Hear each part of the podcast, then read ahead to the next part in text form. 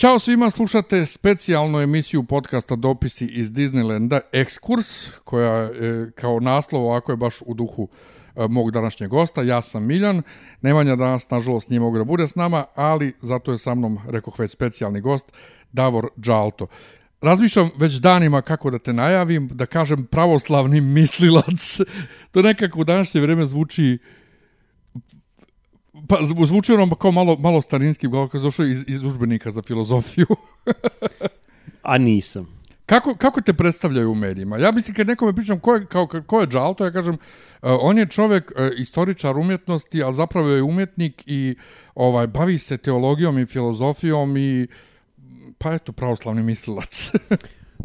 Pa manje je bitno to, predstavljanje to uvek može i ovako i onako. Mislim, mnogo je važnije to da pričamo o nečemu smislenom i naravno ono čime se čovjek bavi, to ipak je je ključna stvar. Sad različito predstavljaju, naravno, negde je najjednostavnije možda po onim institucionalnim afilijacijama. To se nekako lakše razume, a stvarno ovako kad čovjek pogleda ne samo u mom slučaju, nego i kod mase drugih ljudi, čime se ljudi bave, e, onda se ima tendencija često da se to sada svrsta u neke okvire ili neke disciplinarne okvire i nekada to deluje zato tako komplikovano jer e, čim se izađe izvan nekih tradicionalnih ili e, usko specijalističkih okvira, onda se to nameće kao nekakav problem ili nekakva tema. Vi što je, započeli smo zapravo uh, jednostavnom pričom o načinu kako nekoga predstaviti negde, dakle, identitet nekoga. Šta je, a to mi je jedna od ideja bila o kojima hoću s tobom da pričam, zato što um,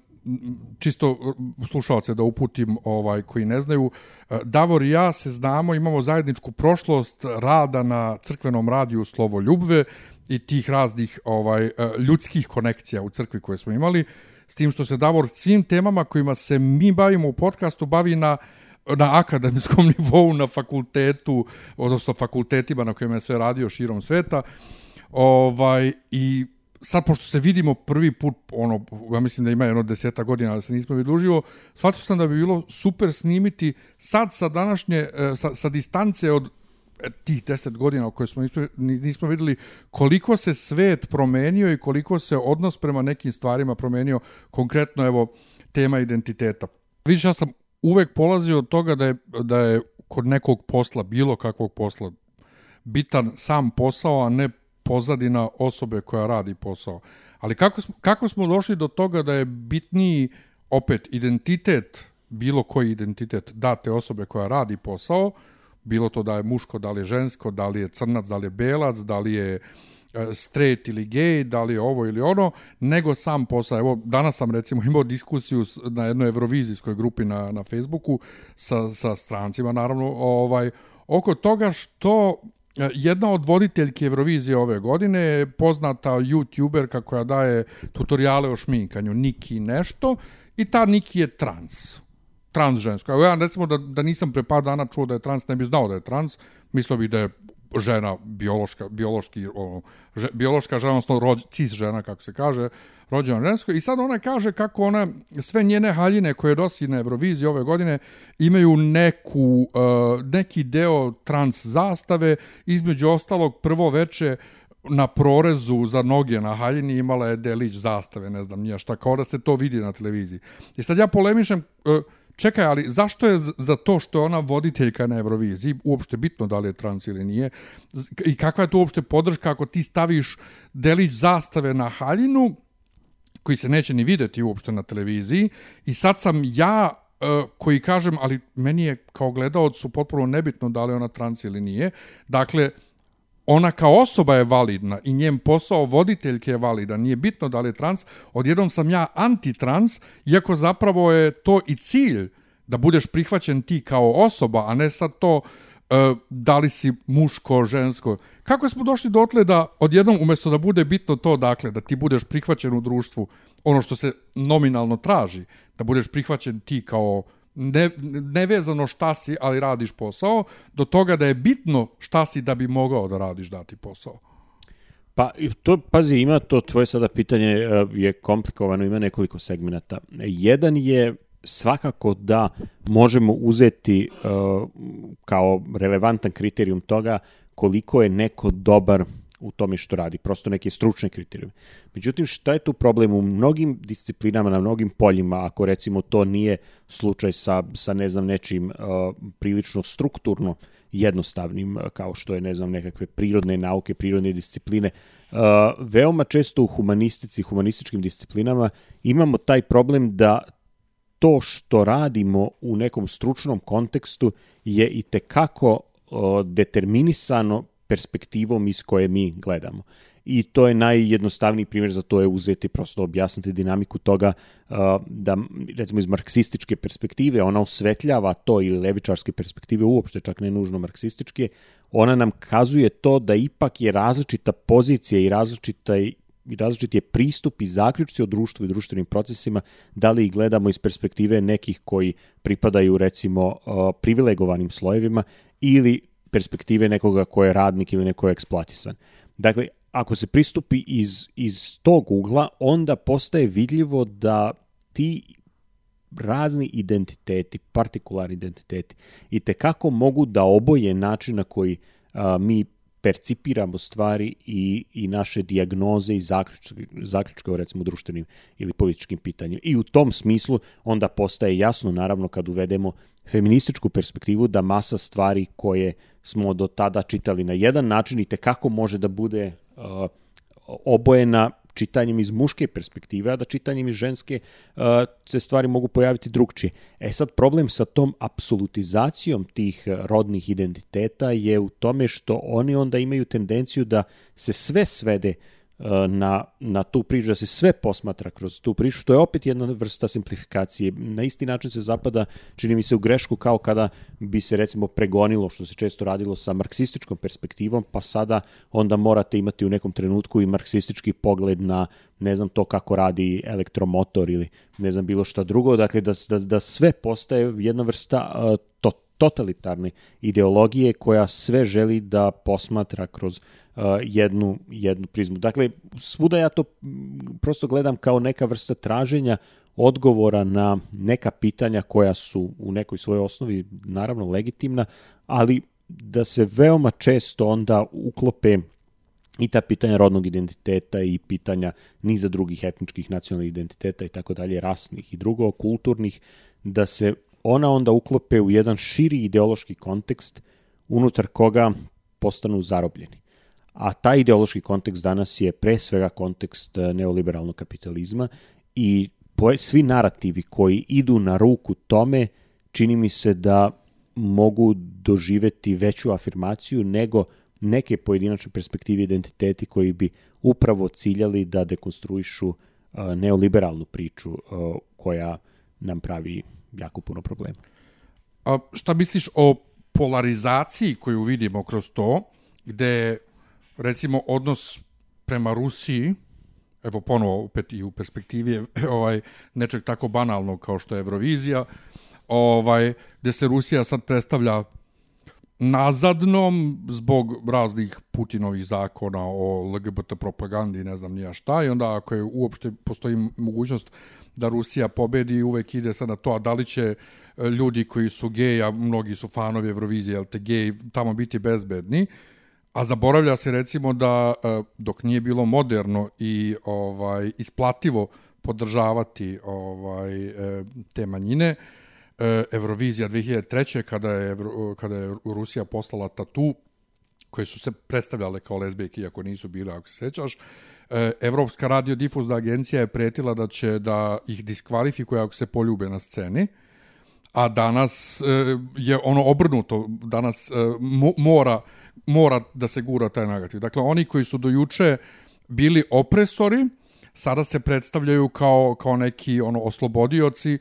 ovaj i neko ko im trenutno politički ne odgovara, automatski se predstavlja kao potpuno nazadan što i nije toliko tačno, jer mislim i Srbija ne, ne spada u, u zemlje sa ne znam kako zavidnim stupnjem ovaj sloboda za LGBT populaciju i za ostale ovaj e, manjine koje su na neki način povezane sa, sa tom grupom, a opet nije ni toliko e, nazadno kao što bi se očekivalo. Dakle, da li politika utiče isto na to kako, kako će se per, percipirati ovaj identitetska pitanja? Pa naravno da utiče i nije to ništa neobično. Jedna od klasičnih uh, ono, priča koju možemo da vidimo kroz istoriju sa, sa uh, neverovatnom uh, preciznošću i, i učestalošću je ta da, da vrlo često narativi koji se razviju u jednom kontekstu da bi bili emancipatorski. Možemo uzeti gotovo bilo koju značajniju ideološku priču ili, ili nekakvu od, ne znam, religija do političkih filozofija i tako dalje, imamo tu situaciju da se ona razvije kako bi bila emancipatorska, ali do onog trenutka kada se nametne kao dominantna ili kao većinska da krene da bude opresorska. I to recimo po, po, možemo sa hrišćanstvom to da vidimo, možemo to da vidimo sa konceptom liberalizma, možemo to da vidimo na, na niz drugih levičarskih ideja, komunizma i tako dalje i tako dalje. Dakle, na, nacionalizma kao takođe ideologije koja može da bude emancipatorska u kontekstu, ne znam, oslobađana od imperialne uprave, ali kada se nametne i kada počne da bude opšte obavezujuća i kada se postavlja pitanje a ko, ko su onda ti koji ne pripadaju nekom našem korpusu i ne znam, figurativno rečeno kad se krene sa istragom poturica, da onda ono što se formalno percipiramo kao jednu istu ideologiju može da bude i tekako, i tekako opresivno. Tako da to nije čudno. U borbi imperija, imperije će koristiti sve što mogu da bi delegitimizovale i da bi E, drugu imperiju, drugu stranu i da bi se nametnule kao nosilac nekih velikih moralnih načela. To smo imali u antičkom Rimu, to smo imali kroz istoriju modernih imperija, to imamo i danas. Ali kako smo došli dotle da, e, kako kod nas recimo na mikroplanu, mediji kroje javno mnjenje i ono kao ljudi koji su ne samo ljudi koji su ono kao krezubi, bezubi koji podržavaju Vučića, nego i obrazovani ljudi, znaš, iz, iz, iz uh, nekog malo višeg staleža čitaju razne tabloide, informere i ne znam nija šta i veruju im. Tako na svetskom nivou Dakle, imamo uh, situaciju u svetu gdje su nam informacije dostupne na jedan klik. I svi mi generacije koji imamo 30 plus godina smo učili ipak u školama ne, neko osnovni način razmišljanja, rasuđivanja i ne znam nija šta. I sad imaš situaciju da ti jedna mega giga kompanija poput Disneya predstavi sebe ponovo kao, kao, kao nekog spasitelja, nečega zato što e, imaju crnca koji režira film o crncima i imaju dve žene koje se poljube u pozadini Star Wars filma, ovaj, pa to je sad kao neka podrška LGBT, ovaj populaciji dok ista ta kompanija jednog od glavnih likova Crnca za kineski poster filma smanji na minimalnu veličinu zato što e, marketinška istraživanja prikazuju da crni likovi u Kini ne prolaze dobro. Kako to ljudi kako to ljudi ne vide kad su sve informacije te dostupne, a Amerika vrši najveći uticaj e, današnje ideologije na svet, složite se, kako je moguće da, da, da smo došli dotle da ljudi jedu jednostavno sve što im se servira više nego ranije. Iako ranije nisu imali toliko dostupne informacije kao danas, to jest, ukratko mislim, kako smo postali mm. toliko gluplji nego što smo ikad mm. bili? Pa, dobro, to je sada pitanje. Prvo bi trebalo vidjeti da li smo ili, ili nismo, ali da ostavimo to na stranu. Ono što de facto danas vidimo kao Uh, fenomen i to je globalni fenomen u nekim sredinama više izražen, u nekima nešto manje, to je da uh, ovi glavni mainstream mediji, elektronski mediji, prosto imaju pod broj 1 daleko veći uticaj nego što su imali uh, pre, dakle pisani mediji su uh, inače u, na silaznoj nekoj putanji u odnosu na sliku i medije koje su bazirane na slici i pre svega komuniciraju slikama uh, uz neke recimo bombastične naslove ili neki kraći tekst. I ako je to osnovna definicija tabloida, uh, onda vidimo da, da praktično svaki medij koji ima neku svoju, ili najveći broj tih mainstream medija koji imaju neke svoje internet a, portale, a preko toga veliki broj ljudi ili preko televizijske slike ili preko toga se informiše, jesu zapravo tabloidni. Ali oni su tabloidni u ovom drugom smislu, nekom malo a, ipak kompleksnijem smislu, da oni veoma mnogo simplifikuju poruku. I to je ponovo uzrokovano biznis logikom jer uh, jednostavno vi nećete biti toliko kompet, kompetitivni, nećete se nametnuti na tržištu ukoliko vi krenete da otvarate probleme, da otvarate pitanja. Mnogo je jednostavnije izvršiti istraživanje šta ljudi misle, šta bi ljudi voleli da čuju, kako upakovati tu poruku i onda pakovati tu poruku. I zbog toga mi imamo jedan medijski prostor koji je u stvari prepun bizarnosti. Vi kada otvorite bilo koji glavni medij, to sada nije bitno da li si je to prorežimski ili antirežimski, uh, imate situaciju da ili imamo situaciju da su poruke koje se tu dolaze a, idu na neki najniži nivo neki ljudskih strasti, bilo da mobilišu ljude protiv nekoga, bilo da, a, da ne znam, izazivaju jednostavno te osjećanje nekakve euforije ili osjećanje, ne znam, nekakvog građenja prema nekome, ali da jako malo ili gotovo nikako u tim medijima nemate postavljanje zaista ozbiljnih pitanja koja su ključna, ozbiljnih analiza, uh, davanja prostora za neka pitanja i neke odgovore koji prevazilaze uh, ono kompleksnost jednog tvita. I to, to, to je sada ta jedna zamka, neka biznis ideološka zamka u kojoj najveći deo danas čovečanstva živi i u kojoj mediji se pojavljuju, a opet ti mediji su naravno uglavnom privatno uh, posjedovani ili čak i oni koji su u državnom vlasništvu obično promovišu privatne interese i znamo već kojim putem. Tako da je javno mnenje zapravo ono što je nekada bilo javno mnenje kao prostor uh, koji se putem jednog kompleksnog procesa konstituiše, gde niz ljudi ulazi čitajući razne stvari, istražujući, pa onda imate nekakav kritički diskurs i tako dalje, da se sve to mnogo suzilo i mnogo pojednostavilo i da je praktično javni prostor kao javan prestao da postoji, on je privatizovan. I njega privatizuju pre svega kompanije, uh, us, veoma često u simbiozi sa državnim strukturama, koristeći medije kao način manipulacije upravo tim javnim prostorom. Ali ja imam utisak da se današnji mediji kod nas, ovaj, naravno, jer najviše ovaj, pratim naše medije zašto živimo ovde, vrte sami u, u, u sebi, kao da u Roboro se zove ona zmija što sama sebe ujela za rep. E, gde ti imaš danas situaciju da neko napiše neki tweet ili okači nešto na Instagram i to se pojavi kao vest, čak i na RTS-u. Dakle, ti kažeš, uopšte nije više bitno ne samo da li je prorežimski ili antirežimski medij, nego da li je e, državni medij, da li je, e, neka, da li je portal novina poznatih ili ono mali neki portalčić i, i, i ne znam je šta. Svi se na isti način ponašaju, neko je stavio nešto na Instagram, oni naprave od toga vest i to je vest. Ovaj, možemo, mo, mo, može ovo da nam bude ovaj dobar prilaz na, na, na sljedeću temu koju bih svakako ovaj, da, da, da obradim s tobom, a to je mediji uopšte. Koliko pratiš medije kod nas? Trudim se da pratim, ne naravno onoliko koliko bih voleo, ali trudim se da pratim. Viš, uh, Vukašin, otac Vukašin Milićević i ja smo vrlo često, dok sam ja radio na radiju, pričali o realitijima, ovaj, o čemu ja godinama, mislim, nisam uopšte pričao i ne gledam. Ja ne gledam televiziju kod nas, ja stvarno ne znam šta se dešava, ne znam u tim realitijima koji traju non stop izgleda, ovaj, bez prestanka. Ranije je bilo ono kao traje 2-3 meseca pa se završi, pa onda sledeće godine ponovo sad traju non stop. Dakle, ne znam ko su ti ljudi, uglavnom ne pratim, ali povremeno, znaš, na Facebooku ili na YouTubeu i na Instagramu u ostalom, naiđeš na neki klip ovaj, iz toga, I dok je to ranije jeste bilo tu nekih svađa i, i, i tuča i ne znam nija šta, ovaj, e, to bi se obično, ne znam, ja kažnjavalo, sad kao da se te tuče i sve to postiče, ja sam tako bizarne scene ovih dana video iz tih raznih realitija, e, ono, gde ljudi imaju maltene slom živaca, pa lupa žena glavom o vrata, pa ovaj ovog ščepa, pa ga baci kroz prozor, pa ne znam nija šta, I onda je bila, e,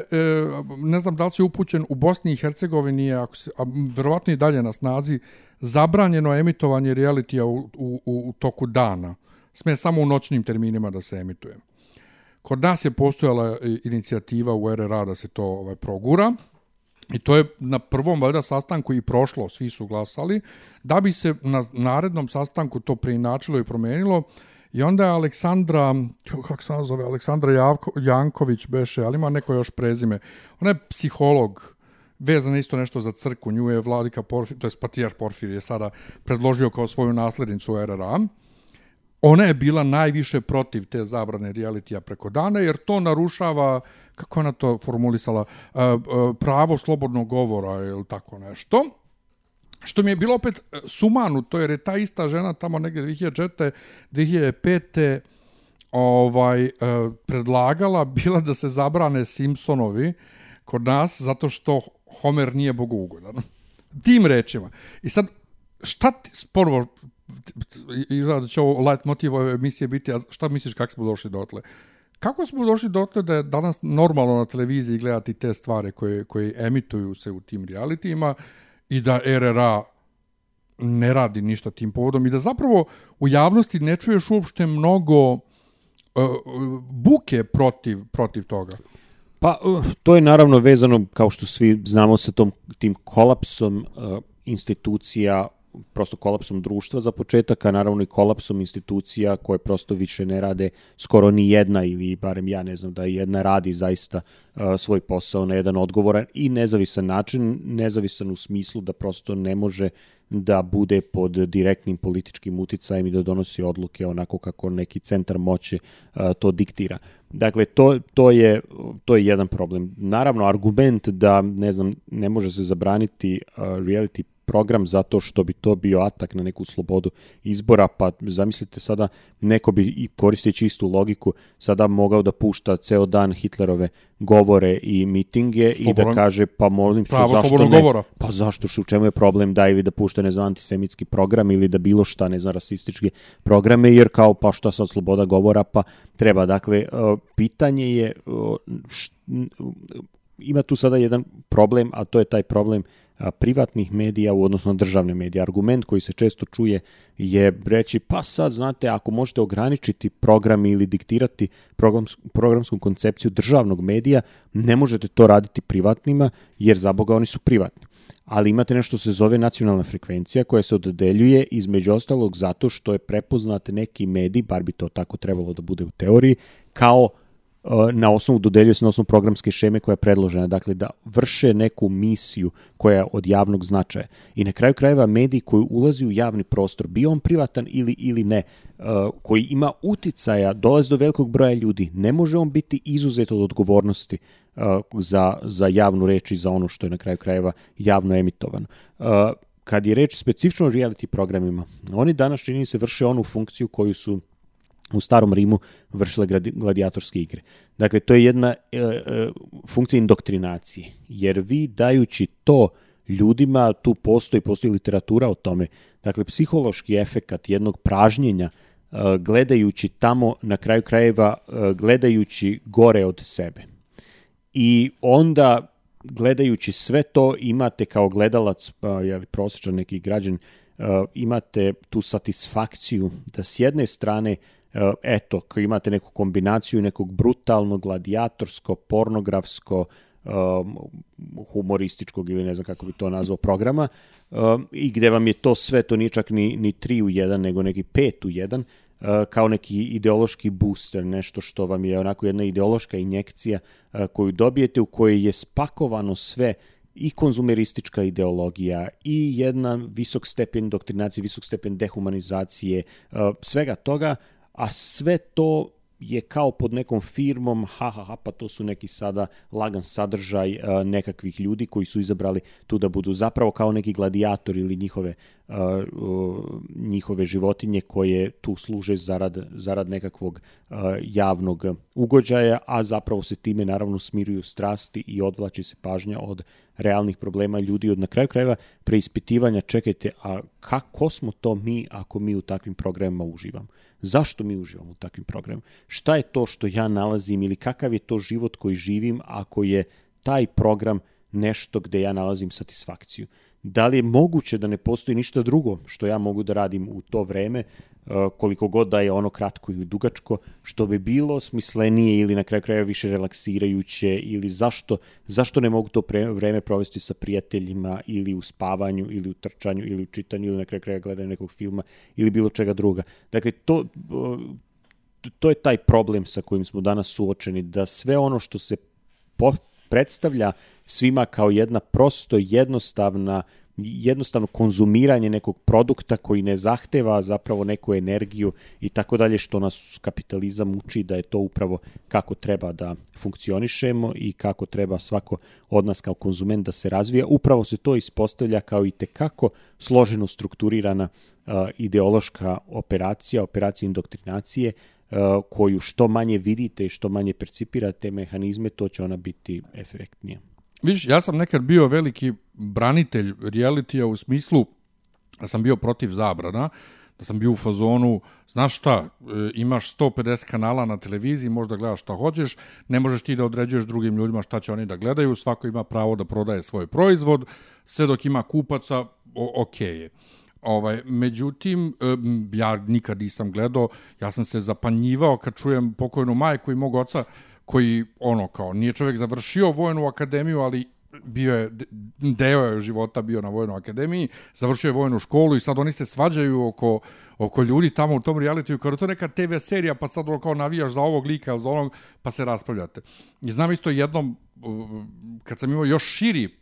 program, mislim 300 kanala, on je došao kod mene i gleda čovjek ceo dan, gleda reality, ja mu kažem, tata, pa ja imam, znači, 300 kanala, od toga šest porno kanala, pa čak da gledaš te porno kanale, ceo dan bolje bi bilo. Ali danas je problem, mislim, u to vreme kad sam ja branio, kad sam ljudima govorio, nek vaša deca, mislim, vi kontrolišite šta vaša deca gledaju, nemojte da ih puštate ceo dan gledaju TV, Danas imamo drugi problem da ti ne možeš da pobegneš više od toga. Dakle, ako izađeš na Facebook, iskaču ti razne stranice koje izbacuju kli, kli, klipove iz toga. Odeš na Instagram, odeš na bilo koju društvenu mrežu, preplavljeno je tim sadržajem. Meni su svi mediji domaći blokirani na, na Facebooku, ništa mi ne izlazi od domaćih medija, ali svejedno, ne možeš tome da pobegneš. I apsolutno ne mogu da, da shvatim da tako nešto dozvoljeno da se emituje na televiziji. Takve vulgarnosti, psovke, nasilje, apsolutno sam za, kako? Kako Ali je to moguće? samo samo jedna tu uh, uh, ekskurs ko što si rekao na početku. Uh, jedna od jedan od problema je što uh, je taj tendencija ili paradigma reality programa se širi svuda. Dakle, nije, nije problem samo što postoje reality programi onakvi u svom klasičnom obliku koji sada a, ljudi a, gledaju, njima uživaju iz bilo kog razloga i tako dalje. Problem je što su svi drugi programi a, ili najveći deo njih počinju da liče na reality programe i da vi one emisije koje smo nekada koje po svojoj definiciji, po svojoj strukturi treba da budu informativne, edukativne, obrazovne, e, političke emisije gde se diskutuju neka značajna politička pitanja i tako dalje, da to poprima takođe uh, karakter reality programa. Tako da je sve u stvari reality program nije više uh, izolovan samo na ne znam toliko i toliko sati ili celodnevno emitovanje na pojedinom kanalu uh, nekih ljudi koji su zatvoreni unutar uh, nekakvih uh, artificijalno produkovanih ili prostora sa nekom strukturom svoje interakcije, već to vidimo u političkim emisijama, to vidimo u nečemu što prosto ne bi trebalo da da bude uh, ta vrsta jedne jeftine, a zapravo izuzetno uh, uh, složene uh, složene indoktrinacije uh, i zabave uh, ljudi, tako da je taj problem sada, to nas vraća na ovo pitanje šta je ta neka autentično javna sfera i kako sada, to je potpuno druga neka pravila igre u odnosu na neki raniji period gde sad sa socijalnim društvenim mrežama, sa tom interakcijom koja opet je na jed, u određenom smislu jako pojednostavljena, i gde navodno imamo neki demokratski privid demokratske prostore, jer kao svako može nešto da okači, pa može svako da okači, ali videli smo ne može ni svako, jer ih onda postoji blokada, postoji uh, skidanje sa društvenih mreža, postoji sve to, ali uh, problem je što naravno šta god vi kačite ili ne kačite, vi ste takođe pod određenim uticajem onoga što do vas dolazi, a sve je to filtrirano kroz taj vrlo komplikovan mehanizam filtera kroz koji sve društvene mreže kao na kraju a, bilo koja internetom posredovana komunikacija a, koja prolazi kroz, kroz te medije. Tako da je zapravo nivo kompleksnosti indoktrinacije podignut na više stepena u odnosu na onu klasičnu propagandu koju smo recimo znali iz komunističkog perioda. Viš, kažeš, o, politika je ovaj poslala reality, ja mislim da je jedan od prvih velikih reality programa već decenijama američki izbori izbori u Americi koji ono kao uživo praćenje svake sekunde, dva dana se polemiše da li, je, da li će u Floridi ovaj da osvoji ovo, da li će ona tamo ovo, ono tamo vamo. A Amerika je između ostalog u, u, u mojim očima već godinama ovaj, o tome pričam i govorim zemlja indoktriniranosti per se, mislim da je to na apoteoza indoktriniranosti gdje gledam, ne znam, gledam RuPaul's Drag Race i ka, dvojica njih koji su drag queens i takmiči se pričaju o, o tome da se oni prijavili na takmičenje da bi mogli sebi da priušte zdravstveno osiguranje pa onda non stop njihovi problemi sa oružjem i oružanim napadima u školama i ne znam, na javnim mestima, pa njihov dvopartijski sistem i, i sve. I ti onda njih slušaš s jedne strane kako stalno sebe dižu u nebesa da su oni najveća demokratija na svetu, a zapravo e, imaju e, stravično loše uslove za život običnog čoveka pod tim obećanjem američkog sna da od prosjaka možeš postati bogataš, ali nigde naš nema ono siti kucani tekst, to važi samo za, za, za manjinu. Ili mislim, do, dovoljno podatak za koliko desetina milijardi, mislim desetina milijardi da su se obogatile velike kompanije poput Amazona za vreme uh, pandemije prošle godine.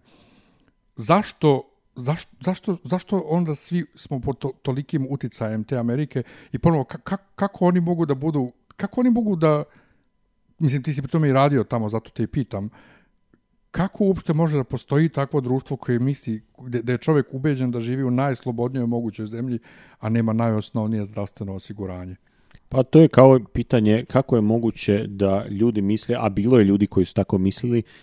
u, u Sovjetskom savezu da žive u najslobodnijem i najboljem društvu, a zapravo žive u jednoj uh, diktaturi koja vrlo malo omogućava sloboda. Dakle, nikada ne treba poceniti snagu indoktrinacije. Uh, najbolja indoktrinacija, najbolji ideolo, najbolja ideologija funkcioniše onda kada, kao što sam rekao, mi ne primećujemo da smo u ideološkom narativu. Kada nam se to što ideologija nama pokazuje kao jedna normalnost i nešto toliko samorazumljivo kao što riba ne primećuje vodu u kojoj se nalazi, da na taj način ne primećujemo ideologiju. I to kreće jako rano, to kreće od, od nekakvog prečkolskog, to kreće kroz televizijske programe, kroz škole, kroz crkve tamo često, kroz, mislim, prosto je jako teško izbeći to. To zahteva ili da se susretnete na vreme ili tokom svog života sa nekim, nekom drugčijom literaturom, sa nekim drugim ljudima, sa nekim alternativnim pogledima ili sa nekim ko će uh, te uh, preispitivati vas ili, ili prosto uh, staviti vas pred ta pitanja, ajde, da li su to, da li to u što verujemo jeste zapravo bazirano na, na nečemu ili je to samo rezultat jeli, naše zaljubljenosti u naše sobstvene fantazme. I tu mislim da je naravno uloga obrazovanja ključna, jer obrazovanje može to da postigne. Ako je dobro, ono može da postigne to da postavljamo pitanja ne samo šta sam naučio, šta znam od informacija, šta ne znam, nego zašto mislim da je to to što mislim da je to istinito. Zašto mislim da je to i to vrednost. Na čemu je to bazirano? Da li samo zato što je moja omiljena tetka strina ili ne znam ko meni to rekao pa mi je to postalo simpatično ili zato što mi to rekao neko sa televizije, ili zato što mi sam to pročitao negde, ili zaista to to ima nekog smisla kada pokušamo da to dekonstruišemo. Ali nažalost takva obrazovanja gde se ljudi e, i deca i odrasli školuju za to da postavljaju pitanje, da kritički preispituju stvari, to je jako redko. Toga se nalazimo u tragovima. Uglavnom obra obrazovni sistemi služe e, kao sistemi indoktrinacije i skoro svuda na svetu kada vidite, pogotovo te neke humanističke discipline, su tu da u stvari nauče ljude da misle na određeni način u svrhu, nekada je to u svrhu očuvanja nekakvih nacionalnih narativa, konsolidacije društva, a nekada je to prosto u svrhu replikovanja jednog političkog establishmenta ili jednog modela državne uprave i vladanja. Ali pre ovoliko masovnih medija, E, kao što su danas jednostavno sve na, na jedan klik dostupno, to je bilo izolovano. Ideologije su bile izolovane unutar granica određene države i dati ideologije, a ti danas u Evropi ne možeš da radiš neki cosplay nekog crnog lika kao belac ili belkinja, da te ne optuže za blackface ili ne znam ja šta. I sad odjednom ja, koji živim u Srbiji, koju Amerika bombardovala, uh, u, u, mislim, Jeste, pa Amerika je bombardovala Srbiju, šta, šta se ja to pokušavam da operem. Dakle, Amerika bombardovala i gde su i među vojnicima bili crnci. Ja treba da osjećam uh, ono white man guilt, znači uh, krivicu belog čoveka, zato što su Amerikanci uh, držali uh, robove, imali robove i, i na neki način i dalje imaju. Da li postoji re, rešenje za to? Da, da, li ćemo, da li ćemo doći ikad do toga da, da ćemo moći da, da živimo normalno? Znači, naravno, ni na koji način ne podržavam bilo kakvo tlačenje bilo kojih manjina. Ja samo e, malo mi je više mukao od e, američkog eksporta njihovih sobstvenih problema na deo, delove sveta koji te probleme nemaju i nikad nisu imali. Da, ali to jeste uh, pozicija moći jedne nesrazmere moći koju Amerika ima kao globalna imperija koja je zaista od unazad nekoliko decenija uh, jedinstvena po mnogo čemu u odnosu na čitavu prethodnu istoriju. Jer to jeste jedna pozicija uh, hipermoći i naravno da jedna tako velika, tako značajna sila koja je prosto i vojna, i industrijska, i finansijska i tako dalje, da ona onda produkuje svoje e, nekakve narative i da ona da, da ti problemi koji su unutar američki problemi se onda eksportuju putem medija, putem kulture, putem Hollywooda, putem niza drugih stvari i u druge delove sveta koji na taj način uopšte nemaju formatiran ni neki društveni sistem, niti nemaju tu istoriju problema, jer rasizam uh, severnoameričkog kontinenta je po mnogo čemu uh, endemski i on se može uporediti još samo sa rasizmom koji znamo iz ove britanske kolonijalne uh, uprave i mnogi delovi sveta prosto nemaju takvu vrstu rasizma, ne znači da nemaju neku drugu vrstu opresije, ne znači da nemaju uh, naravno drugih problema, ali da se ne, ne svodi to na pitanje tako postavljeno pitanje identiteta kako je to tamo. I to je prosto pozicija te hipermoći i naravno problem drugih delova sveta koji imaju ili nemaju mehanizme da to propuste kroz neke kritičke filtere i da su u stanju da kažu ok, ovo ima smisla, ovo je korisno upotrebiti, ovo rešava neke naše probleme, a ovo nema smisla i ovo nije, nije naš problem. Jednostavno te prema tome uh, ne moramo uopšte uh, diskutovati priče i biti u nekakvom vrzinom kolu neki pitanja koje jednostavno nisu naše. Nis, nemaju dodira s nama, što bih ja onda morao da se pravdam za nešto što je kod njih rasizam, kod nas niti je, niti je zamišljeno kao rasizam, niti, niti jeste rasizam. Ovaj, s, tim, s tim u vezi, eto, ti kao, kao, kao umetnik, ponovno se vraćamo na, na početno pitanje identiteta. E, u Americi, ja to bar sad govorim kao neko ko nije nikad bio tamo, a ti hoće mi potvrdiš da li je stvarno tako da oni nisu svesni tih nekih ovaj e, nivoa na kojima razmišljaju, na kojima bi trebalo da razmišljaju. Ok, znamo, realno postoji problem sa rasizmom, realno postoji problem sa time da su žene očigledno u nekim branšama manje plaćene od muškaraca. Ali oni kao da te probleme nekako uh, kozmetički rešavaju, tako što je sad uh, bitno da u uh, reprezentacija. To je bitno sad u filmu da ti imaš token uh, LGBT lika, token crnca, token ženu, i da je žena, da je negde žensko učestvovala u produkciji, da je bila recimo režiserka, da je pisala scenariju. To što ona i dalje plaćena manje nego što bi neki muškarac bio plaćen, to nikom ništa. Ili, što, uh, ili sa, sa, sa Black Lives Matter i, i, i sve što se ne radi na nekoj sistemskoj reparaciji ovaj uh, problema koje su njima belci tamo stvorili, nego eto da se dobije to nešto površno da li, da, li, da li oni stvarno tako razmišljaju da misle ako će, ako će sada dodaju u literaturu više žena, da će to nešto da pomogne položaju žena u akademiji, u akademiji kod njih?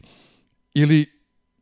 ili ima tamo ljudi koji zapravo da se ti naleto na nekoga ko, ko malo kritičkije razmišlja o pa, Naravno, da, da, dakle, zato, zato je uvek to uh, gledati prosto oni ili mi, to je uvek opasno zato što i to dramatično pojednostavljuje sliku, naravno pitanje ko smo to mi, ko su to oni i naravno među u Americi kao i u masi drugih sveta imate te kako kritičke glasove, čak neki od najkritičnijih glasova koji su naj, e, na najbolji način dekonstruišu mnoge od tih ideoloških priča upravo dolaze iz, iz e, Amerike i funkcionišu u tom kontekstu. Dakle, ali da li su oni manjinski? Jesu. Uh, da li postoji tu izuzetna kompleksnost u načinu na koji se percipiraju svi ti problemi na njih reaguje, postoji. Ono što mi se čini da je bitno je naglasiti ponovo tu izuzetno problematičnu ulogu kapitalizma i jedno tog, toga što je kapitalizam sada već u simbiozi sa onim što se tamo naziva liberalizmom i onim što se naziva tamo desničarenjem, koje koliko god na pojavnom obliku delovalo nekada različito, ima i te kako velikih uh, suštinskih sličnosti uh, upravo u tom načinu na koji se opresija prema onom drugom manifestuje, pa sad ko je taj drugi, da li je taj drugi klasni ili rasni ili neki drugi, drugi, to je, to je drugo pitanje. Uh, mislim da je uh, ključan problem tu što kapitalizam je taj koji je suštinski jedan konzervativan, uh, konzervativan sistem. I to se vidi ovde kada postavljaš pitanje kako hollywoodski filmovi sada adaptiraju recimo neke uh, ili rodne ili rasne uh, figure i pojave i, i identitete i tako dalje, na koji način ih transponuju neki narativ. Uh, to se dešava, to je, to je prosto jedan dugačak proces. To nije bilo tako u Hollywoodu. Hollywood je na najbolji način negde reprezent dominantne ideologije koja vlada u većini krugova, ob, privilegovanih krugova uh, Sjedinjenih država. Nekada je to bila i tekakva jerez da imate gej reditelja, glumca, ne daj Bože. Uh, dakle, niste mogli da, da radite, niste mogli da snimate, da ne govorimo o crnci, da ne govorimo uh, drugi. E sada se to, zato što se tržište promenilo, zato što postoji tržište dovoljno koje je receptivno za, za takvu vrstu sadržaja i to se menja. I, i to treba primetiti tu duboko konzervativan uh, tu, dakle nema tu ništa emancipatorsko, nego onog momenta kada se neke stvari pomere ili pomaknu zahvaljujući recimo aktivizmu, zahvaljujući ne znam nekakvim intelektualcima pa i nekim lokalnim medijima i tako dalje i tako dalje, uh, pa kada se neke teme već nametnu kao takve, pa kada se taj prethodni konzervativizam očigledno pokaže kao nešto što ne ide više i što barem nije nešto što prolazi u određenim krugovima obično bogatijim i privilegovanijim, onda se i ovde narativ menja i sada idemo opet agresivno, kao što smo išli prethodno sa nekim belačkim i nekim protestantskim i nekim, ne znam, antikomunističkim, sada ćemo ići agresivno sa ovim, jer to na kraju krajeva donosi profil, profit, a i deluje da izgledamo kao good guys, deluje kao nešto što je progresivna poruka, iako zapravo čita mehanizam je izuzetno konzervativan. Ali upravo, to, to znači, privile, privilegovane strukture se predstavljaju kroz uslovno rečeno umetnost, odnosno kroz entertainment se predstavljaju kao da su oni deo mase i evo mi vas razumemo, mi vas podržavamo, zapravo je, evo snimit ćemo film koji vi trenutno mislite da želite da gledate da biste vi nama dali ovaj vaše pare. Da li evo barem u, u, u toj sferi zabavne industrije i muzike i filma, ovaj, ako ni u čemu drugom, ali i uopšte malo u nekom širem kontekstu. Da li ima šanse da se, da ikad dođemo do toga, bar delimično na ono što je bilo ili nečeg što nikad nije bilo, da bude stvarno meritokratija i da ne bude bitno da, da ako hoćeš da napišeš scenariju za film, da li, si, da li pripadaš ovoj ili onoj grupi, da li imaš uh, jedno oko smeđa, drugo zeleno, ili da li si iz, ne znam odakle, iz Srbije, odakle već, ovaj, da, da li postoji šansa da sve dođe do otle da bude zaista meritokratija, ono kako, kako Gene Roddenberry predstavlja to u zvezdanim stazama, gde ljudi više nema sukoba i konflikta, jer jednostavno e, imamo svi sva dobra koja nam trebaju, pa možemo da se bavimo duhovnim vrednostima. Da. Pa opisao se negde idejno komuniz, komunističku ideju i, i ono što okay. je komunizam bio negde u, u svojim o, nekim početnim o, fazama, Zaboravili su mnogi, da ne kažem gotovo svi, koji se baš ne bave nešto usko stručno time, da je veliki korak u tom pravcu, gotovo da je to i postignuto bilo, bar u određenoj meri, se dogodilo u Rusiji posle februarske revolucije. Dakle, ona je iznela jednu novu koncepciju na tragovima, dalekim tragovima odjeka francuske revolucije, ali još mnogo možemo reći temeljnije postavljeno, ali uključujući naravno i neke principe francuske revolucije, gde upravo su nametnute sve te teme da bez obzira na naš rodni, polni, klasni, nacionalni, etnički, religijski i tako dalje identitet, da mi svi smo ljudi pre svega i da svi mi činimo taj neki polis uh, ili lokalni ili globalni. Nažalost je to u kasnijoj fazi, naravno i preuzimanjem boljševičkim čitave priče i onda naravno u kasnoj fazi Lenjinove vladavine i pod Staljinom, to je postalo, prosto se preokrenulo nešto jako konzervativno u taj državni komunizam takozvani koji je bio jedna od najopresivnijih i ideologija i političkih struktura koje smo videli, ali tu je postojalo nešto emancipatorsko postojalo je nešto jako emancipatorsko i u, i u Jugoslaviji posle 45. godine. Naravno, nije bilo uh, naročito lepo ukoliko ste nešto direktno hteli protiv uh, najvišeg državnog rukovodstva, ukoliko ste javno istupali protiv tog sistema, dakle on jeste bio polutotalitaran sistem u tom smislu, ali je zato izuzetno emancipatorski bio kada je reč o poziciji uh, radnika i čak o, o tim rodnim pitanjima u smislu emancipacije žena, jer ono sa čim smo mi rasli, svi mi koji smo negde rođeni u prethodnoj Jugoslaviji ili barem živjeli kroz odjeke negde tog sistema, naravno još više generacije naših roditelja i tako dalje, je bila neka prosto o, samorazumljiva o, samorazumljivo poimanje toga da ako radiš na, na jednom istom mestu, bilo da si žena, bilo da si muškarac, isto bio plaćen. To dakle nije bila tema I tek je onda ta zamka napravljena da se kroz tu enormnu propagandnu industriju došlo do toga da gledamo na neke pojave na zapadu kao na nešto a priori demokratsko i napredno, a zapravo su je najveći broj zemalja zapadne Evrope ni danas nije dostigao ono što je bio standard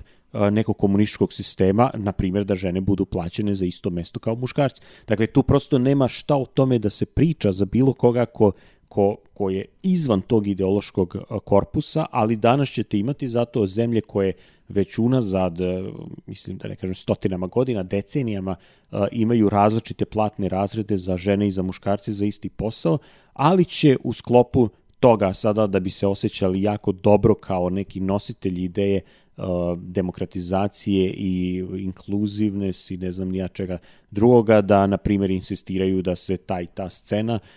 koja je gender inclusive ili ova pojavi tu i tu i da se neko sada uključi tu kao ne znam da li je literatura, da li je nešto drugo. Dakle, to su ti blind spots u svakom od, od tih sistema da neke stvari tu koje zapravo su uh, mnogo zaostalije u našem društvenom ili ideološkom kontekstu da ih ne vidimo, a da volimo sebe da percipiramo kao nešto jako napredno. I to je prosto tako. Ja mislim da je opet jedino pravo rešenje, pravi odgovor na to pitanje obrazovanje koje ne mora samo da bude kroz neku školu i ne znam formalno obrazovanje, obrazovanje se može vršiti i preko medija. Nažalost, to što smo svi mi prihvatili kao normalnu situaciju da nas mediji pre svega indoktriniraju jeftinim i bizarnim sadržajima umesto da se koriste kao sredstva edukacije, to je naš izbor. E, vidiš, mene posebno boli ovaj kao neko ko ceni obrazovanje i ponovno što ti kažeš ne samo formalno obrazovanje nego obrazovanje uopšte, mene boli kad vidim legende neke koje se spuštaju sada na danas da bi se pridobili novu publiku, današnju publiku spuštaju se na nivo današnje jeftine propagande. Tako recimo Madonna koja je još 80-ih se i družila sa gevima i, i, i e, širila poruku borbe protiv side, danas se spušta na nivo ovih e, mladih zvezda, sarađuje s njima, ne znam nija, da bi prodala koji CD više, ili Star Trek kao franšiza koji je 60-ih imao e, crn, crnkinju, azijata, e, čoveka iz ono, Japanca, Rusa i ne znam nija, svi zajedno u, u jednom konglomeratu na brodu, koja danas ima, ne znam, ženskog lika koji se zove Michael, pa o, ovaj lesbo par, onaj lesbo par, kad se spuštaju na taj nivo i što se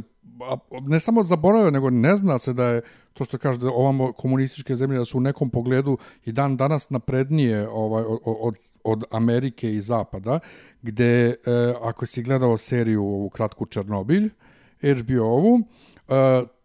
tvorac, odnosno tvorci serije američko-britanski, recimo da je tim, su imali sjajan podcast koji je išao uz, uz, uz tu ovaj, e, seriju, da on objašnjava kako to što imaš žene naučnike u seriji za, za Sovjetski savez tada ništa nije neobično. Kako su oni imali tada mnogo više žena naučnika, dakle, u prirodnim naukama nego što Zapad ima i danas. I to je nešto čemu ja dok nisam čuo to nisam uopšte ni razmišljao. Moja tetka,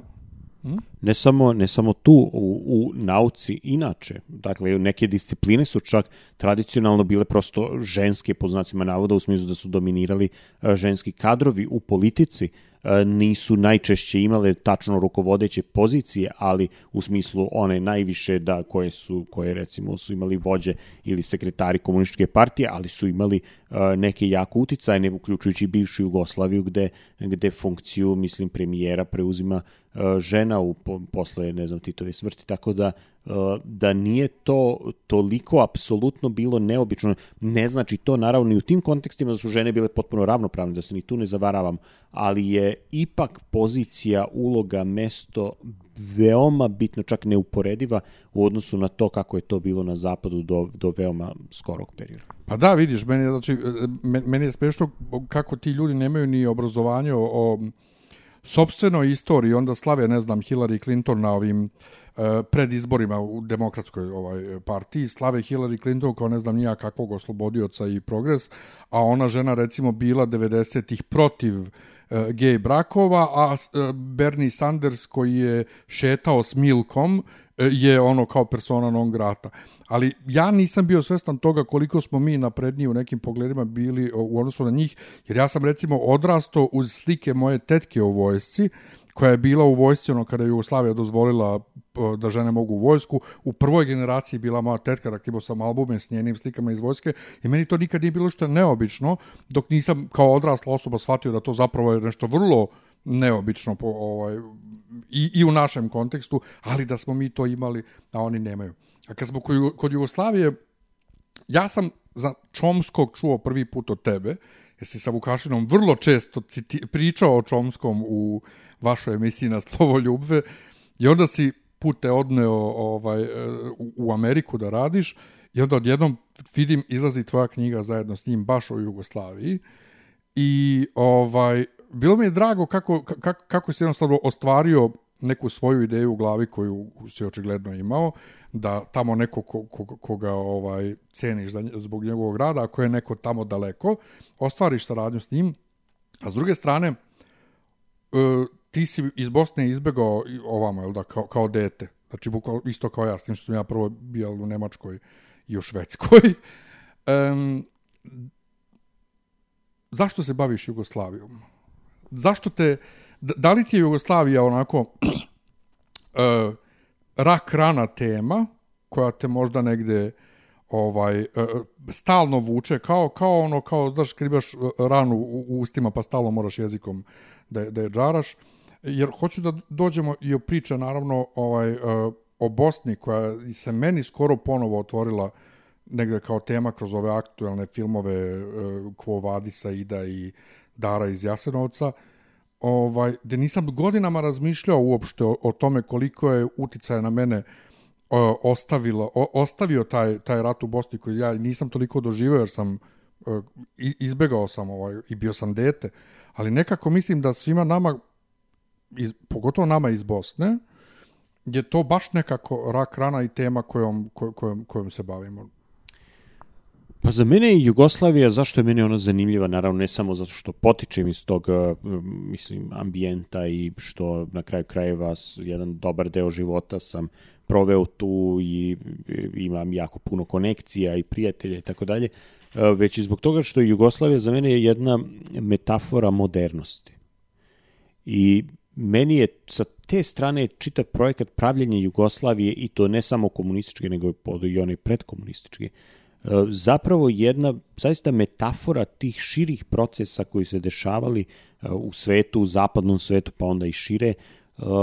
praktično u svim aspektima tih procesa. Jer ako mislimo o Jugoslaviji, uh, to jeste jedan pokušaj pravljenja nekakve države na temeljima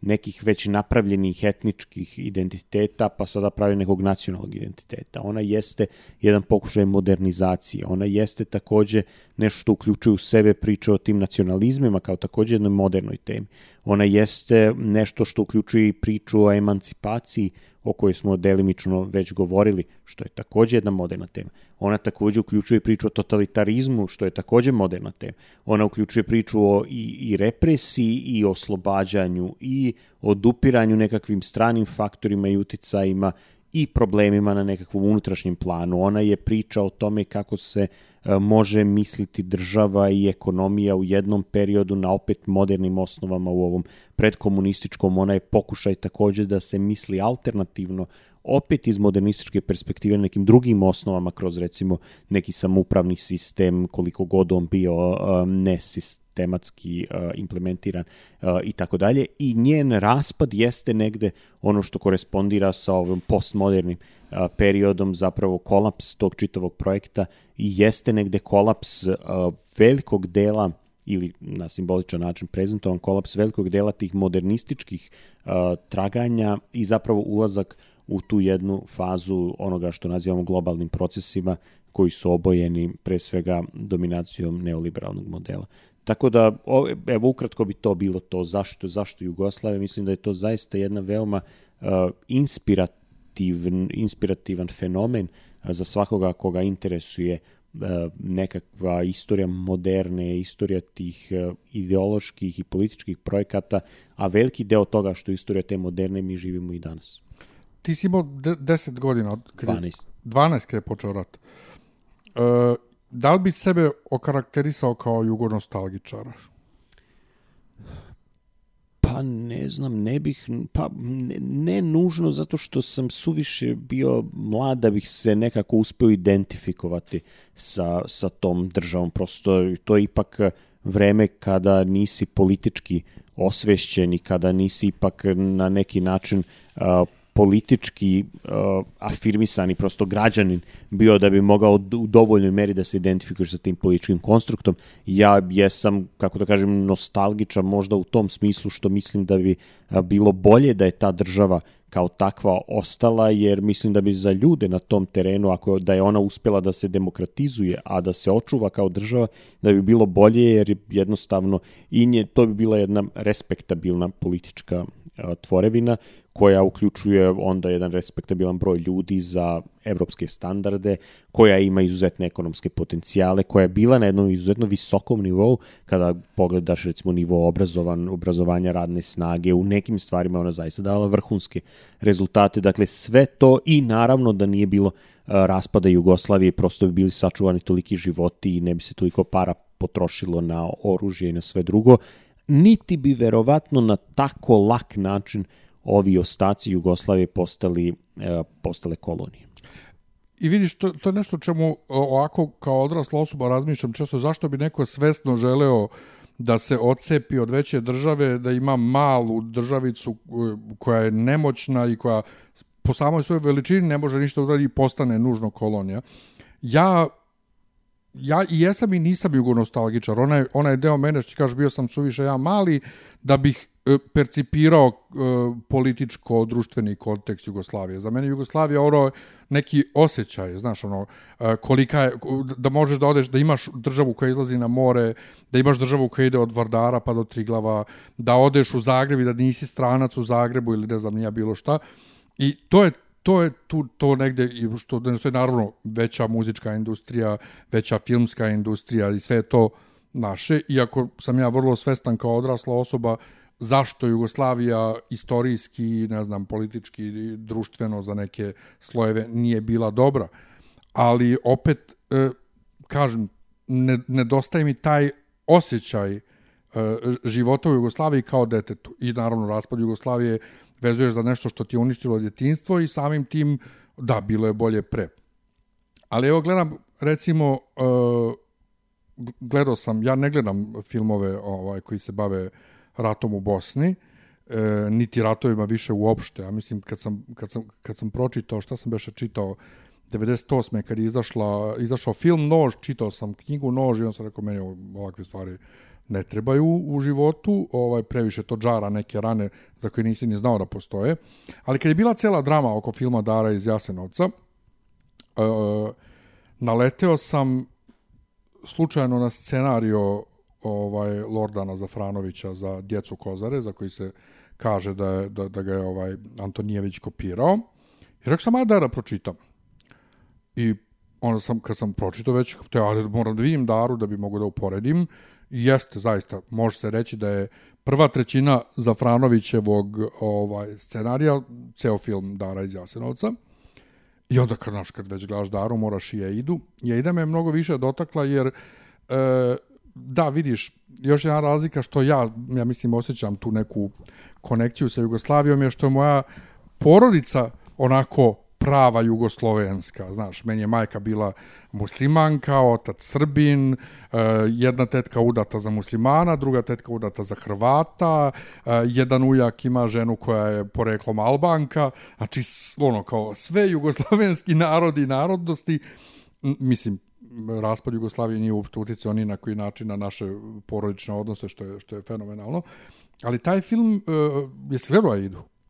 Nisi. Uh, taj film me udario nekako u žicu gde um, vidiš otprilike svoju, svoju sobstvenu priču, znaš, iako naravno meni niko, hvala Bogu, nije poginuo u ratu, ovaj, ali kad se ona vrati u Srebrenicu i sad Srbi koji su između ostalog učestvovali u ratu ovaj, u, i, i dešavanjima u Srebrenici žive u njenom stanu. Ja sam nešto slično doživeo, mi smo se vratili u Derventu i naš stan je bio izdat nekim izbeglicama, iako vojni stanovi uopšte nisu mogli da se izdaju. I taj osjećaj da si kao vratio si se na svoje, ali nisi na svome, zato kažem rak rana, jer istovremeno, znaš, nedostaje ti to, a i kad se vratiš tamo osjećaš se kod da nije, nije više to to. Ovaj, pa ne znam šta zapravo hoću da pitam, da li, da li ima smisla nama koji smo to proživeli gledati takve filmove, da li imaju takvi filmovi ikakvog smisla da se snimaju? Šta ti misliš kao, kao, kao neko ko se bavi umetnošću? Čemu, čemu takvi filmovi? Da, da, da li to doprinosi nekom ne, nekom boljitku?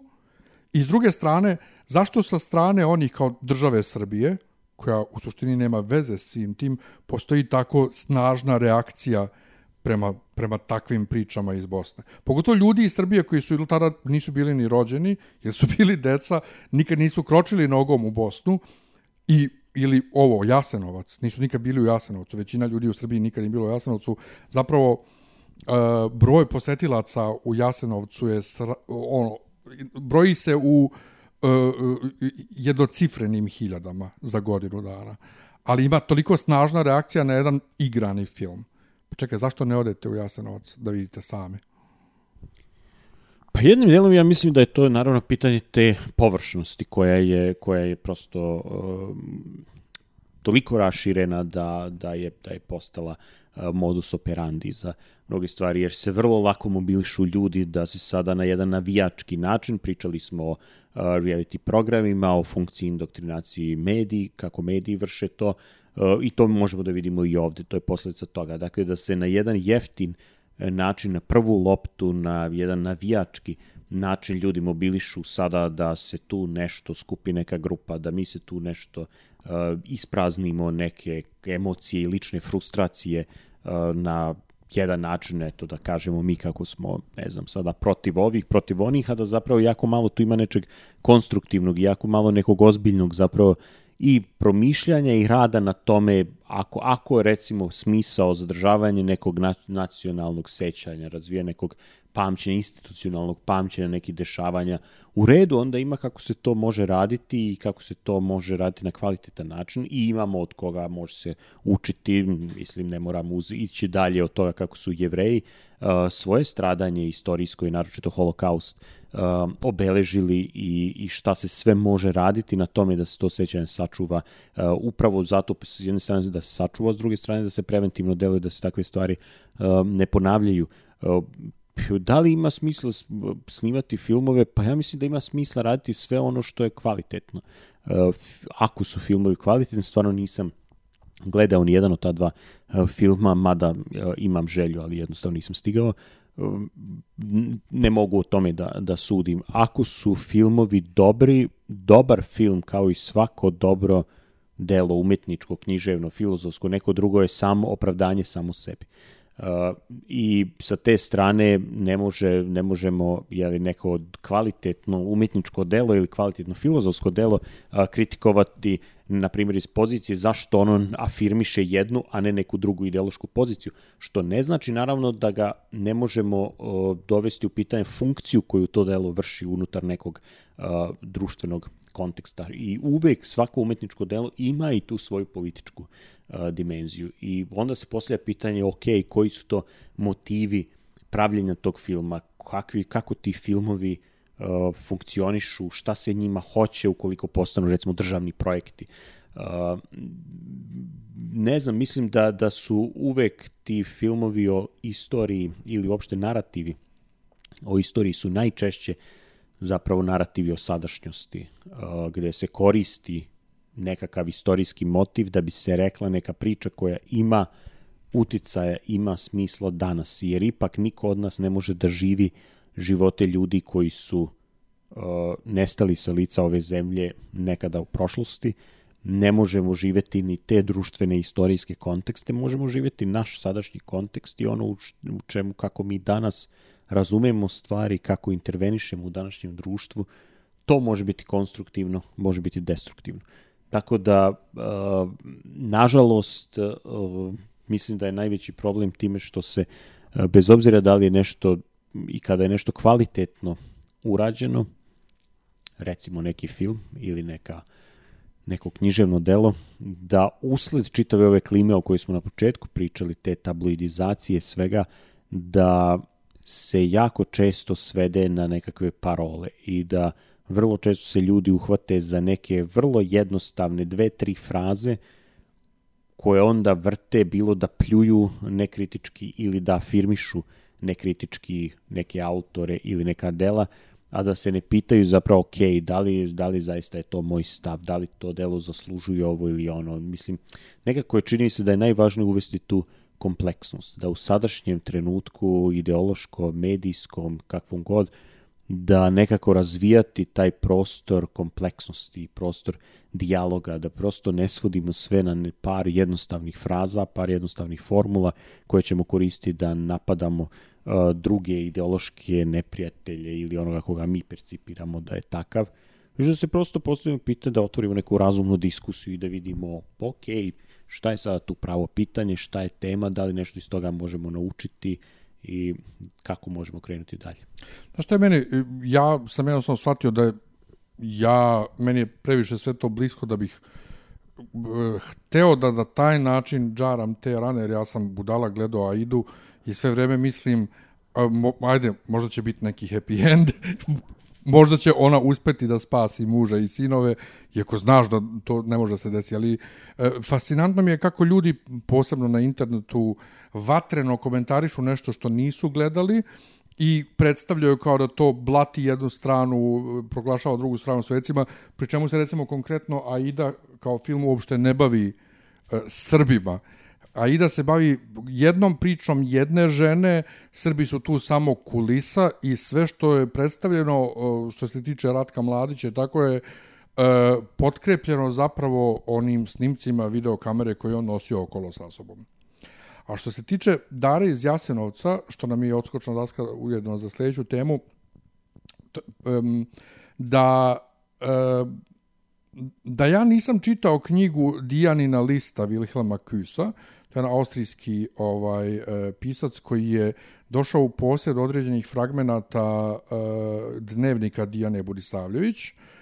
i e, RTS me je zvao da ga prevodim u kulturnom dnevniku i onda mi se ta njegova priča oko, oko te knjige toliko dopala da mi je on dao primjerak original na nemačkom. On je bio povodom sajma knjiga gde, kada je prevedena njegova knjiga ovaj, ja sam iz te knjige naučio bukvalno sve što znam danas o Jasenovcu, jer je čovjek to tako detaljno na 300 strana detaljno predstavio i priču oko Dijane Borisavljević i sve logore u sklopu Jasenovca, sve, da ti zdare, da nemaš predznanje ne bi ništa razumeo šta se tu dešava i kako i zašto i gde se, um, znaš kad kaže dajte svirajte neko srbijansko kolo, i onda sviraju Užičko kolo, prvo Užičko kolo tad nije postojalo, drugo, kakve veze ljudi iz Kozare imaju, imaju sa, sa, sa Srbijom u tom trenutku, 40. neke. Dakle, mnogo se manje obraćalo pažnju na neke tako autentične stvari, dok ja recimo nisam znao da Aida glumica koja glumi Aidu, koju sam znao iz pozorišta odavde, gledao je ovde u pozorištu, nisam prepoznao da je to ona i da nije bosanska glumica jer je potpuno ušla u ulogu. Zanimljivo stvar o Jasenovcu tada kada je bila aktuelna priča oko Dare, rekao vladika Jovan Ćulibrk, a to je e, dokle god vi dolazite u Jasenovac, e, nemojte pričati o Jasenovcu, nego dokle god dolazite u Jasenovac, Jasenovac je naš. A ja sam bio u Jasenovcu opet slučajno tad kad sam, ne kad sam čitao Daru, nego sam gledao zbog nečega Schindlerovu listu i hteo ja da mi je da vidim Auschwitz svojim očima, a sam bio u Jasenovcu i stvarno mogu reći, e, mora čovjek da ode u Jasenovac da bi osetio, o, tamo se oseti u vazduhu nešto i na, na celom tom prostoru. A kad rekao Vladika Jovan Čulber, kažem, dobro mi je odskočna laska za sledeću temu, a to je moja i tvoja zajednička tema, crkva. Stanje u crkvi posljednji put kad smo ja i ti uh, sarađivali, ovaj, odnosno družili se, je bilo vrlo, vrlo drugačije nego što je sad u ovom trenutku. Mnogi veliki igrači iz tog vremena sada više nisu među nama, znači vladika Amfilohije, vladika Atanasije, e, vladika Artemije, tada još uvek. Ovaj, I kada je izabran patrijarh Porfirije za patrijarha, ti si gostovao na N1, ja mislim beše, i dok ti je voditeljka postavljala pitanje, e, razmišljao sam kako bih ja odgovorio na pitanje o, o strujama u crkvi i potpuno sam u glavi imao identičan odgovor kao ti. Dakle, koliko ima vladika, toliko ima struja, uslovno rečeno. Ali, ovaj, juče, ja mislim da sam čitao negde, jeste juče je bio vest da patrijar Porfirije neće davati intervjue u medijima, osim oko velikih praznika, ne znam, ja sva, sve što on ima da kaže o dešavanjima u svetu, on će to kroz svoje besede. Šta misliš o ovom razvoju od kako je, od kako je on postao uh, patrijarh? Ja mislim da se krećemo negde, što je potpuno zapravo neverovatno, s obzirom na to kakav društveno-medijski uh, kontekst živimo danas. Njegovo trenutno ponašanje ovaj, na, na, na tronu patrijarha, odnosno arhijepiskopa Beogradskog, vrlo je onako kako se čovjek mogao samo nadati da će biti. Pa moj stav je tada kada to je bilo naravno jako sveže kada su me pitali za taj neki komentar ili neko viđenje e, tog izbora, e, stav je bio da moramo dati šansu e, svima i ljudima kada preuzimaš sada nekakvu novu funkciju, kada pogotovo tako odgovornu i tako vidljivu funkciju u nekom javnom prostoru, da treba dati šansu, treba videti koji će to biti potezi i kuda će se to kretati, jer to naravno ne može niko da zna unaprijed i ne može niko znati kako će ljudi reagovati u pojedinim situacijama kada se nađu na, na tom mestu. Uh, još uvek je, čini mi se, uh, kratko dati nekakvu sada dublju ocenu ili dati nekako predviđanje. Uh, vidjet će se uskoro neki potezi od kojih si neki ti pomenuo zaista ohrabruju da to ide u jednom pravcu koji koji nismo imali već neko vreme prilike da vidimo. Dakle, jedne ipak opreznosti kada je reč o javnom govoru, čini mi se svesti o tome da javno izgovorena reč kada si na mestu patrijarha kao što i kada si na mestu nekakve političke funkcije, da to nije samo reč nekoga ko eto je predstavlja jednu hrišćansku zajednicu na tom prostoru, već da to ima jednu specifičnu težinu s obzirom da je ona izgovorena u nekom društvenom kontekstu u kome ima i nepravoslavnih i ima pravoslavnih raznih orijentacija i ima i ateista i drugih religija i tako dalje, pa na kraju krajeva ima to svoju naravno političku dimenziju i tu čini mi se da je da je dobra, dobro da postoji jedna vrsta svesti o tome, jedna vrsta opreznosti. Uh, jedna vrsta isto čini mi se tog uh, realnog odnosa prema stvarima, problemima, ljudima. Neki sada kritikovali su, čuo sam i video uh,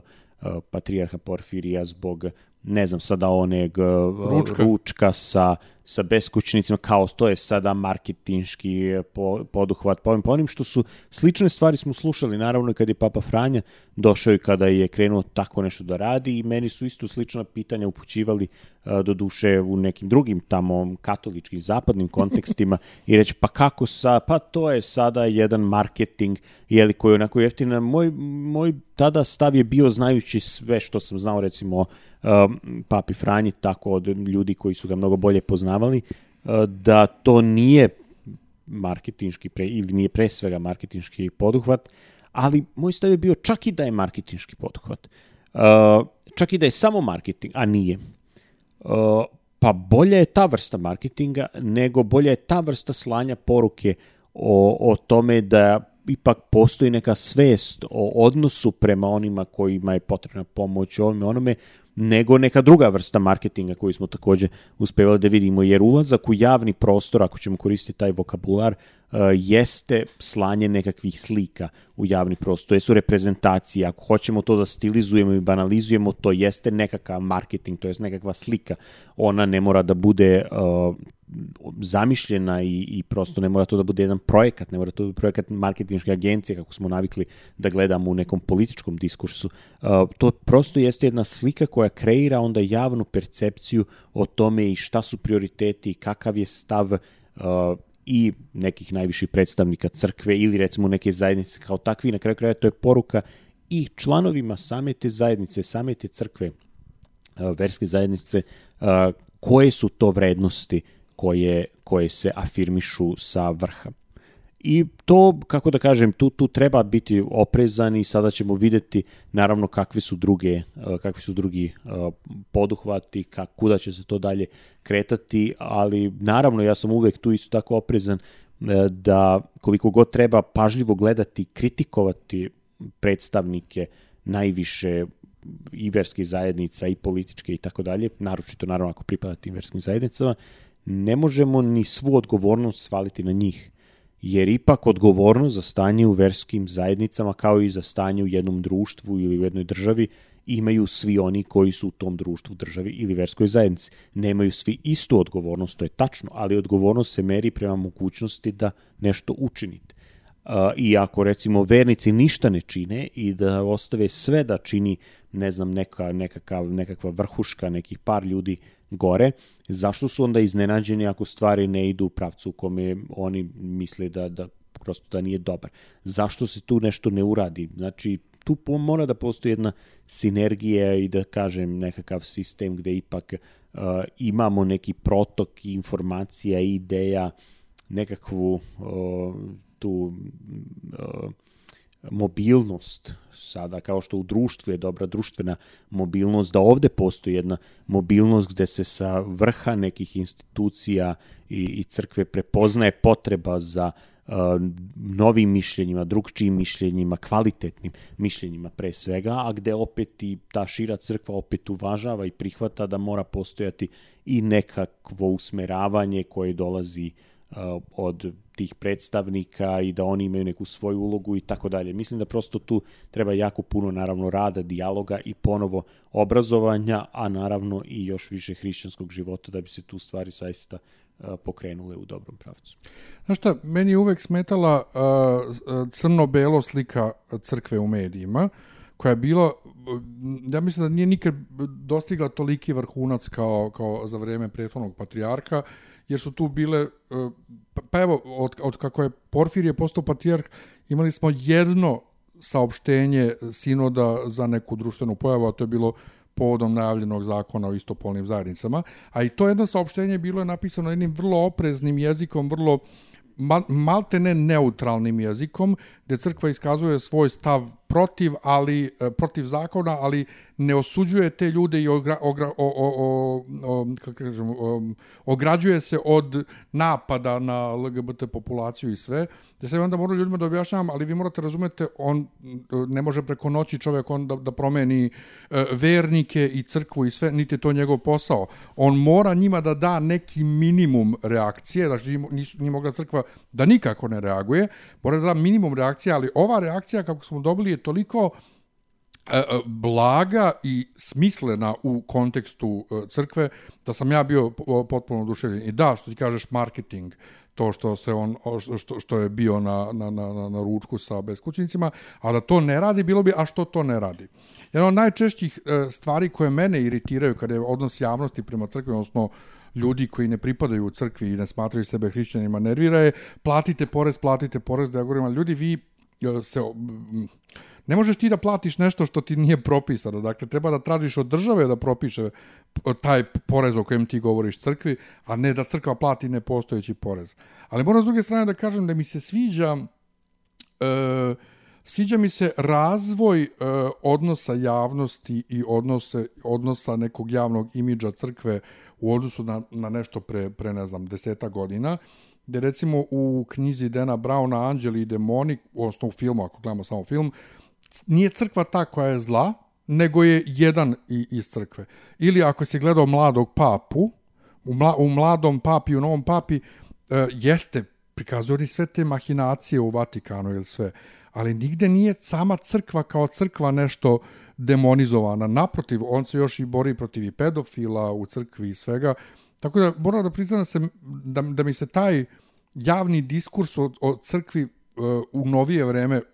kao verniku i kao pripadniku crkve dopada i dopada mi se na koji način ovaj patrijarh je krenuo u svoje stolovanje. Jer recimo kad smo gledali ovu britansku seriju The Crown insistiranje kraljice da e, aristokratija mora da se drži na, na distanci, da se ne meša u društveno-politička dešavanja, nije mi bilo jasno, ali, ali potpuno razumem sad to sa ove, jer mislim crkva je na neki način aristokratija, tu želju za distancom od društvenih dešavanja, što do sad nismo imali, iritiralo je kako nas iz crkve, tako i ove van crkve. Ta odluka da se distancira crkva od e, političkih dešavanja i da daje intervjue samo o velikim praznicima, mislim da je zaista bar prvi korak u dobrom smeru ovaj odnosa crkve prema savremenom svetu. Pa dobro, meni je drago da ti vidiš ovaj tu pozitivnih puno dešavanja. Ja sam nešto skeptičniji prema tome. Prvo zato što mislim da je prirodna pozicija uh, hrišćanstva i crkve i pravoslavlja da budu na margini to je prirodna pozicija. Slažem se I da, da to neko neprijateljstvo koje dolazi uh, ili nekakve tenzije na relaciji društvo, država, dominantna ideologija hrišćana i crkva, da je ona prirodna. Da problemi nastaju onda kada se suviše uh, uklopi hrišćanstvo u nekakav dominantan društveni i politički sistem, jer to znači da su da ipak nivo kompromisa toliko veliki da on počinje da verovatno obesmišljava hrišćansku poruku, da je svedeno hrišćanstvo na nivo neke ideologije koja se može politički lako eksploatisati. To naravno ne znači da ne treba kritikovati svaki puta uh, i crkvu i crkveno rukovodstvo i ne znam nija koga drugoga i na kraju kraja pojedince. Unutar crkve svaki puta kada izlaze sa ne znam nekakvim nebuloznim stavovima ili nečim što je prosto prkosi i nekoj elementarnoj logici, a pre svega kada prkosi hrišćanstvu i hrišćanskim vrednostima i to jeste pre svega zadatak vernika. Dakle, vernika da reaguju i da oni sami preispituju i pozivaju te neke ili pojedince ili grupe ili na kraju krajeva uh, neke visoko pozicioniranu ne, pripadnike jerarhije da to ne čine. Sada da li, da li postoji neki veći stepe razumevanja danas odnosno neki veći period, nisam siguran zato što mislim da sve ono što su neka suštinska pitanja hrišćanstva i crkve, to nije medijski atraktivno. Mediji tu nemaju nikakvog interesa da se time bave. Ono što je medijima atraktivno jesu skandali, jeste uh, eto nešto koja je pozicija uloga sada crkve u nekim dnevno političkim ovaj previranjima to je pitanje stava, ne znam, po Kosovu, pitanja da li si jesi prorežimski, antirežimski i tako dalje. I sad, dobro, jeste i to sastavni deo nekakvog života i tako dalje i ne može se crkva ni depolitizovati u tom smislu da sada od nje očekujemo bilo kao institucija crkve ili ove crkve, kako bismo više u nekom teološkom smislu o njoj govorili što je nešto mnogo šire i dublje,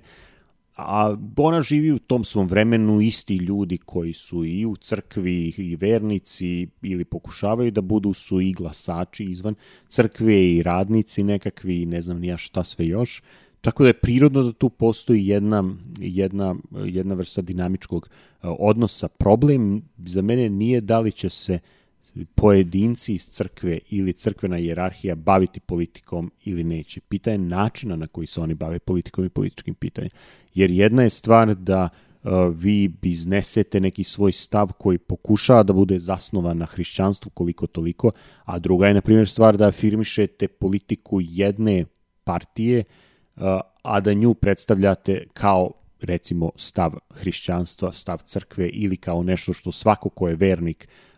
je dužan da, da poštuje da se tome povinuje. Što imamo i tekako mnogo primjera takve vrste prezentovanja prosto hrišćanstva i to ne samo u crkvenoj jerarhiji, nego i od nekih, da kažemo, eto, javnih intelektualaca koji se predstavljaju kao naročito pravoslavni, a da zapravo formulišu neku vrstu sekularne religije, dakle, čisto političke, društveno političke religije, gde je crkva i hrišćanstvo samo jedan začin koji treba to da učini ubedljivim, opet u svrhu indoktrinacije. Dakle, to, to jeste komplikovano pitanje i nema tu nekih baš jednostavnih odgovora. Da, viš, tu se apsolutno upravo, ali ja sam nekako godinama naučio da se mentalno distanciramo od tih koji crkvu gledaju samo kroz neku nacionalno-političku prizmu